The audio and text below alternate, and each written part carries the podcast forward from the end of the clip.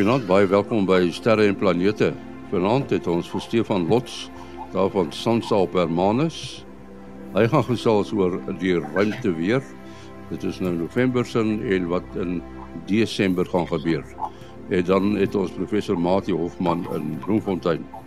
Goed Stefan, hoe lyk uh, die die ruimte weer? Hoe hoe het gelyk die afgelope maand November? Nou Danny, nou Mati. Ehm um, ja, die daar was redelike baie aktiwiteit gewees die afgelope maand of so. Ehm um, ek sal dalk onthou in Oktober was daar 'n groot uitbarsting en 'n gepaard gaan storm. Die afgelope maand was effens stiller, maar daar was nog steeds paar M en C klas uh sonvakkels gewees. Die grootste van die was seker die by die 9de November.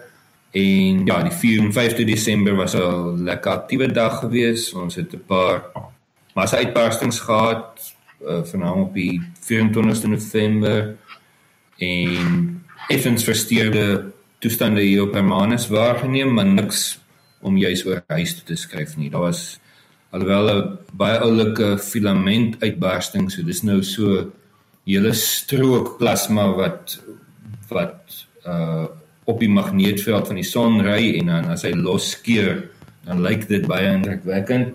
Ehm um, maar hierdie ding was redelik op die suidelike kant van die son gewees waar hy die aarde grootendeels gemis.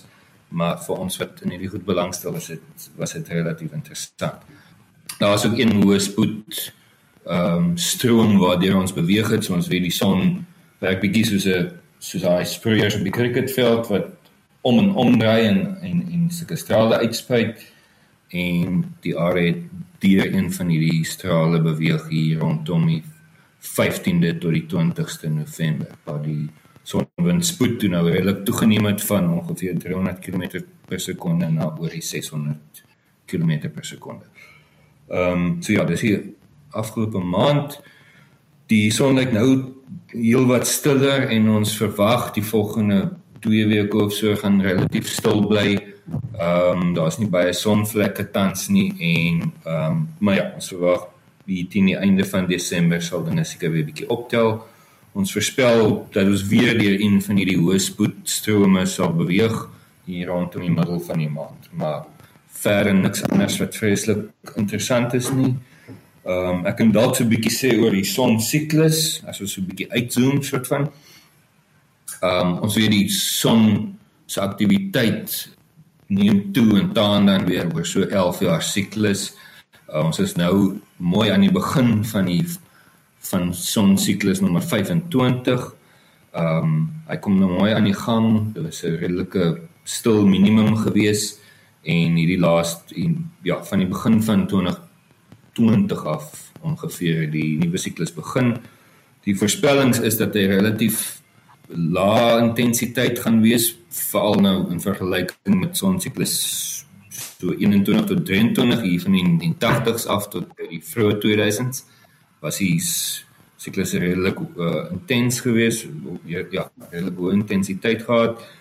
Maar as ons kyk na die voorspellings en ons vergelyk wat ons nou al sover gemeet het aan die nuwe sonsiklus lyk dit redelik hoër as as wat ons voorspel het. So dalk gaan hierdie siklus nie so gering wees soos wat dit soos wat die voorspellings tans sê nie. Maar ja dis ekstrapolasie en spekulasie um, en ons sal hier in 2025 weet of ons reg was. Ja, miskien Stefan, uh, die sogenaamde auroras, die australes en die boreales.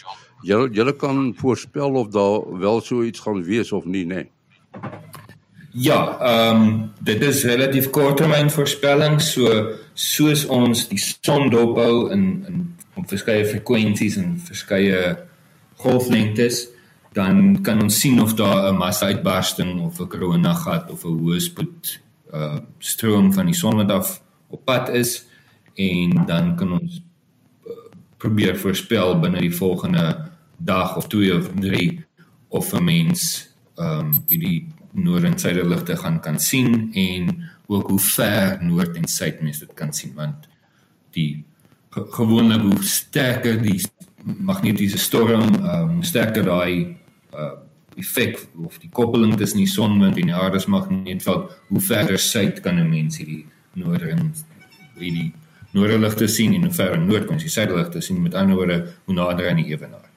Um, so ja, daar's verskeie voorspellings wat wat gewaag word wat so mooi oval wys oor die noordelike en suidelike pool. Ehm um, en dan kan 'n mens raai as jy dan nou in daai in daai area is gaan jy vanaand die noord of suideligte kan sien. Dit is nou natuurlik van meer waarde vir die ouens in die noordelike halfrond want in die, in die suidelike halfrond is maar redelik eil besaai met mense. Ehm um, so dis maar meestal vir die ouens in Antarktika wat wat dit op. Stefan, ek wou jou nog vra, hoekom sien die mense die noorder en suiderligte net by die pole? Ehm um, en dit het te doen met die die struktuur van die aarde se magnetveld. So ons as jy as ons terugdink aan aan hoërskool daar wat ons daai uh, magneet met die ystervelsels daai eksperimentjie gedoen het en jy sien daai lyne van die magneetveld wat ehm um, so krul van die pole af uitwaarts nie die aarde se magneetveld lyk ook tot 'n mate so. En die die kort weergawe van die storie is dat die veldlyne wat die verste uit in die ruimte gaan is die ouetjies met hulle voetpunte naaste aan die pole wanneer die die aarde se magneetveld ons eintlik beskerm teen die sonwind en teen die massa uitbarstings, dan is dit daai veldlyne wat die verste uitreik in die ruimte wat waarop hierdie deeltjies inry soort van in die atmosfeer in. En ehm um, dus sien ons die meeste van hierdie effek naby aan die pole, maar hoe sterker so uitbarsting is, hoe verder kan daai deeltjies indring in die aarde se magneetveld en en hoe ver hoe nader aan die ewenaar sien 'n mens die noord en suideligte. So die die een geval waarvan ons weet wat ehm um, sover ons nog uh, kon kon waarneem en nog kon meet die sogenaamde Carrington event is die grootste geomagnetiese storm wat nog ooit waargeneem is en dit was in 1959 1859 skus en van oorlewering van sketsing kon ons sien dat hulle daar's noorderlig of suiderligte dan nou waargeneem van Kiba en Kaapstad af. Dit's net so oor die horison, maar dit is hoe ver hoe na naby mense in die ewenaar dit in daai geval kon sien. So wanneer die uh, koppeling tussen die sonwind en die aarde se magneetveld baie sterk is en die invloed van daai deeltjies is baie sterk, dan sien mense dit nader. Daar was nou die afgelope tydjie 'n sonsverduistering Uh, daar is van die uh, amateursterrekundiges hier in Suid-Afrika wat net 'n stukkie daarvan kon afneem want ons was nie reg geposisioneer nie. Uh die die vriend van ons Mati Oleg in Johannesburg het so 'n foto gepubliseer op ons uh, webblad. Uh lyk my die sonsverduistering was baie mooi sigbaar uh op Antarktika as ek reg. En ja, dis maar die uh mense wat taamlik hoe verder suid jy was, hoe meer kon jy sien van die sonsverduistering, maar uh die ouens wat die moeite gedoen het, dit blyk tog interessant om daardie happie uit die son uit te sien. Dit is nou maar die die rand van die maan wat net so voor die son ingeskuif het. Uh maar die beste plekke om dit te gesien uh, sien net was na die duurste plek op op, op aarde blykbaar om heen te vlieg en te vind aard. Uh, ek weet nie hoeveel mense was daar wat wat dit van daar af kon afneem nie, maar sekerlik maar net 'n uitgesoekte groepie. Matie, ons het al in die program gepraat oor die James Webb teleskoop en hy gaan nou een van die dae gaan hy gelanseer word, ek dink die 22ste Desember. Uh, is ek reg? Ja, met die lanserings uh, weet hulle nooit of dit regtig op daai datum gelanseer sal kan word nie. Dit hang nou maar dan ook van weeromstandighede af en of daar onvoorsiene uh, omstandighede of probleme opduik. Ehm um, hulle stel dit so nie voor 22 Desember. So ons kan 'n bietjie ontspan tot 22 Desember. Uh daar die die lansering is al 'n paar keer uitgestel. Die laaste keer rede 'n keer of voorval wat daartoe gelei het dat dit uitgestel was, uh was dat uh toe hulle die uh teleskoop monteer aan die Ariane 5 vuurpyl het uh, een van die klampe uh losgeskiet en uh 'n vibrasie ek neem aan dit was 'n taamlik heftige vibrasie uh want dit het die ouens baie bekommerd gehad het deur die hele struktuur in deur die teleskoop uh, uh uh beweeg en hulle toe besluit hulle moet nou eers deeglike toetse doen om te kyk of daar nie iets beskadig is nie. Uh en soos wat ons al reeds gesê het, hulle moet seker maak hy uh verlaat die aarde in 'n perfekte toestand want daar's nie 'n kans om uh in die ruimte te gaan herstel nie. Hy gaan te ver van die aarde af uh wees. Ek dink op 'n afstand van 1.5 miljoen kilometer, maar in elk geval is by een van die Lagrange uh punte. Uh ja, so uh saam met die mense wat uh, soveel tyd aan hierdie projek oor baie jare ge, uh, gespandeer het, gaan ons aas ons ophou wanneer hy nou uiteindelik gelanseer word. Dit sal 'n fantastiese projek wees. Hy baie beter tegnologie, hy gaan baie groter wees as die Hubble teleskoop. En die Hubble teleskoop het die mensdom se se begrip van die ruimte uh verander op 'n diep vlak en ook op 'n populêre vlak. Die mense se verbeelding is aangegryp. Nou uh gaan die James Webb teleskoop kom ons sê het nou 'n groot voorsprong want vandat die Hubble teleskoop uh in die vroeg 1990s gelanseer is tot nou is groot ontdekkings gemaak. Die hele uh ontdekkingsveld of van eksoplanete het daarna eers begin en een van die groot projekte gaan ons nou wees om te kyk na die atmosfere van hierdie eksoplanete. Dis nou maar een van die fokusareas uh waar ons nou hier van die aarde af en die naby ruimteteleskope sover nou die plan eksoplanete kon ontdek, weet hulle maar baie min van wat regtig daar aangaan en hier gaan die James Webb teleskoop 'n groot rol speel. Ehm uh, en dan natuurlik ook die diep kosmologiese vrae oor uh die vroeë stadiums van die uh, geskiedenis van die heelal, hoe die sterrestelsels toe daar uitgesien. Uit die aard van die saak sal hierdie teleskoop nou nog verder kan kyk as die Hubble teleskoop. Hy gaan nou uh, in die infrarooi waarneem waar die Hubble teleskoop net tot by die naby infrarooi waargeneem het, maar meestal in die uh, optiese deel, die sigbare deel van die ligspektrum. Uh so dis nou iets om daar uit te sien en om in spanning uh saam met die mense te volg. Ja, dan uh, moet moet ons uh, dalk net kyk na die Hubble teleskoop wat nou uh, weer ten volle in werking is. Die ouens het baie getwyfel. Ja, 31 jaar oud die teleskoop, nê? Nee? En min van ons ry nog 'n motor wat 31 jaar oud is. Uh Nou dis seker nie 'n goeie vergelyking nie, maar ons weet as 'n motor ouer word, dan gaan hy meer dikwels werkswinkel toe en daar's minder tye wat dit in volle uh, bruikbaar is. Uh nou uh vroeër die jaar in Junie het die Hubble teleskoop in uh soos hulle sê 'n veilige modus of safe mode gegaan uh, of hy's eintlik in Junie gehers weer aan uh, uh op ten volle op lyn gekom na in Maart maand in 'n uh, veilige modus gegaan het. En toe dit nou weer in Oktober gebeur dat hy in 'n veilige modus gegaan het en dan beteken dit al die instrumente skakel af uh en dit was nogal 'n groot probleem die keer en hulle het met groot moeite oor 'n tydperk van 'n maand vanaf uh 7 November het hulle een na die ander die verskillende instrumente uh, weer uh aanlyn gebring.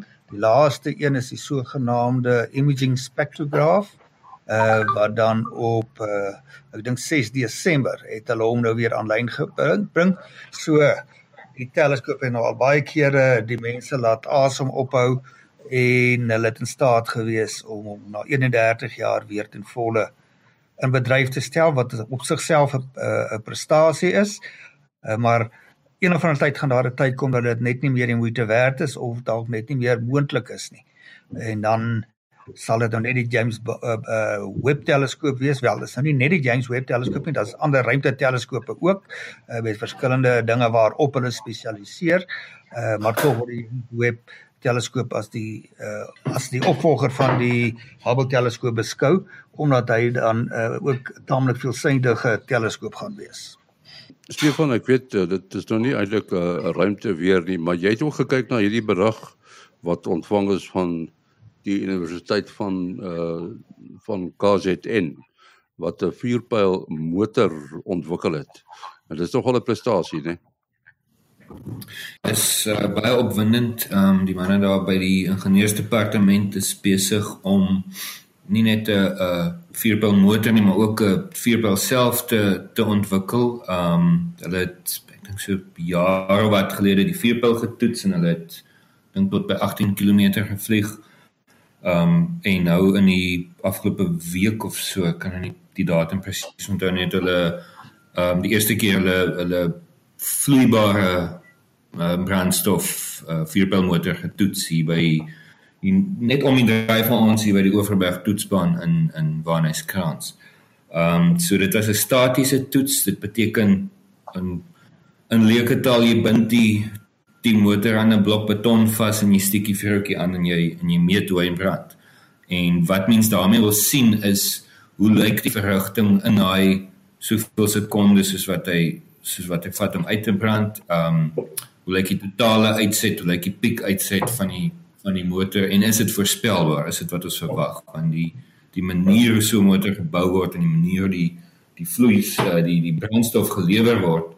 ehm um, word op 'n baie spesifieke manier ehm um, sodat die uitset van die motor op 'n baie voorspelbare manier kan gebeur want dit is al hoe jy so 'n lansering goed kan beplan. Nou hulle is besig met hierdie projek om op die ou end voertuie te ontwikkel wat kom wat vir kommersiële doeleindes uh, satelliete kan lanseer. Hulle kyk na kleiner satelliete so rondom 200 kg. So dis nou nie niks soos soos SpaceX se se vierpyle nie. Uh, maar ja, soos ek sê, dis baie opwindend veral saam met die die ontwikkeling wat nou in die Weskaap gebeur in terme van uh, maatskappye wat satelliet uh, busse en komponente vir satelliete bou. Ehm um, is ons besig om 'n oulike industrie te te ontwikkel. Ja, ons kan dalk van hierdie akronieme begin onthou wat ons gaan weer 'n keer hoor van hierdie uh, projek. Dit klink vir my baie belovend. Hulle praat van ASREC. Dit is nou die afkorting of die akroniem vir die groep, die Aerospace Systems Research Group. Nou dis makliker om ASREC te onthou. Dit sê makliker. En dan Able. Dit is nou die Ablative Blow Down Liquid Engine. Uh so Able en ASREC. Uh En uh, dit is nou 'n groep van studente net, uh, PhD, ja. MSc studente, so ek dink dit moet vir hulle 'n baie opwindende projekte wees en hulle die, die werk so gestruktureer dat dit deel van hulle navorsingsprojekte vir hulle nagraadse kwalifikasies is. Ja, terwyl ons praat van dinge hier in Suid-Afrika, daar's interessante aktiwiteit by die Boyden sterrewag. Dis uh, nog 'n robotiese teleskoop. Wie is so ietsie meer matie? Uh ja, en nee, ons moet bietjie een keer met my kollega uh Piet Myntjies uh, praat oor presies watter navorsing hulle al alles daarmee gaan doen, maar kom ons uh, noem so lank vir vir ons luisteraars. Ons is baie opgewonde met 'n uh, nog 'n groterige robotiese teleskoop wat nou uh besig is om gestalte te kry. Uh elke nou en dan word dit nou soos baie ander dinge vertraag deur die inperkings en Omicron virusse en al die soort van ontwikkelinge. Uh by hier was twee uh persone uit Spanje hierso wat die uh wat die gebouetjie die uh, vir die teleskoop kom oprig het. Uh, so baie interessante vorm die gebou. Ek weet nie eintlik dit is so amper soos 'n toring met 'n met 'n dak wat oop gaan na weerskante toe. En dan kom daar 'n robotiese teleskoop met 'n deursnee van 0.6 meter. So in die ou taal amper 24 duim. Uh, dit is uh, nogal groot vir 'n robotiese teleskoop. Dit gaan deel van 'n netwerk van teleskope wees. Daar's reeds 5 van hulle behoortes 1 tot 5 en dan nommer 6 kom dan by Boyden uh, sterrewag Nou die botes kan nou na 'n konstellasie verwys of uh, OBS kan dit dan ook sien as 'n akroniem vir Burst Observer and Optical Transient Exploring System. So die transient verwys daarna goed wat weet straling wat kom en gaan wat jy nou moet gereed wees om op die regte oomblik te begin waarneem want jy kan nie presies weet wanneer hierdie verskynsels plaasvind nie. Dit kan onder andere iets wees soos die uh gamma knalle wat 'n nagloed optiese nagloed in die ruimte veroorsaak. Gamma knalle is uh enorme uitbarstings wat byvoorbeeld veroorsaak word deur gravitasiekolke wat in ander sterrestelsels bots. En dan wil jy wil 'n mens so gou as moontlik na die verskynsel deur die ruimteteleskope in die gamma strale waargeneem uh, is wil mens dit in die optiese sigbare golflengtes van die aarde af waarneem en dit doen hulle dan op 'n gerekenariseerde manier outomatiese uh kennisgewing aan hierdie netwerk van teleskope. Uh ons het reeds een so teleskoop, 'n uh, 16 duim, dis nou heelwat kleiner.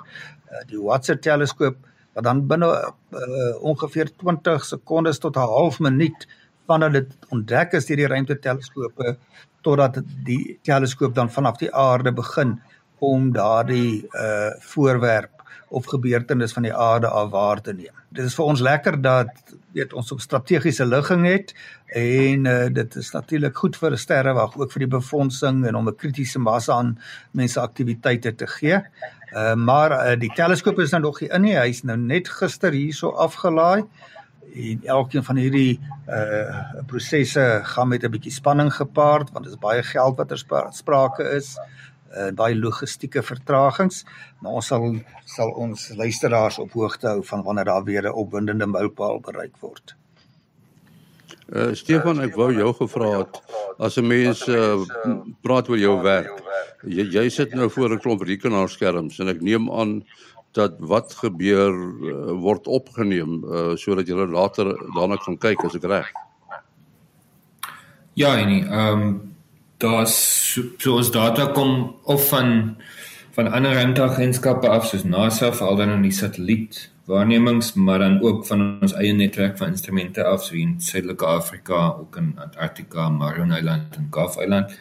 Ehm um, ja, so ons ons kyk definitief na wat inkom soos dit inkom, maar dan die die meeste van die interessante wetenskap gebeur nou maande of jare na die tyd wanneer 'n student of iemand nou gaan gaan krap in ou datastelle en en iets interessant ontdek. Goed, ons moet afsluit. Uh Stefan as iemand met jou kontak wil maak. Ehm um, hulle kan vir my e-pos, so dis by slots s l o t z by sansa.org.za.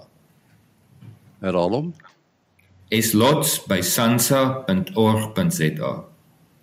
En dan Mati 0800 selfoonnommer 0836257154 0836257154 En dan ouer gewoonte die program se e-posadres sterreplanete@gmail.com sterreplanete@gmail.com Ons is volgende week terug. Tot dan. Alles van die beste.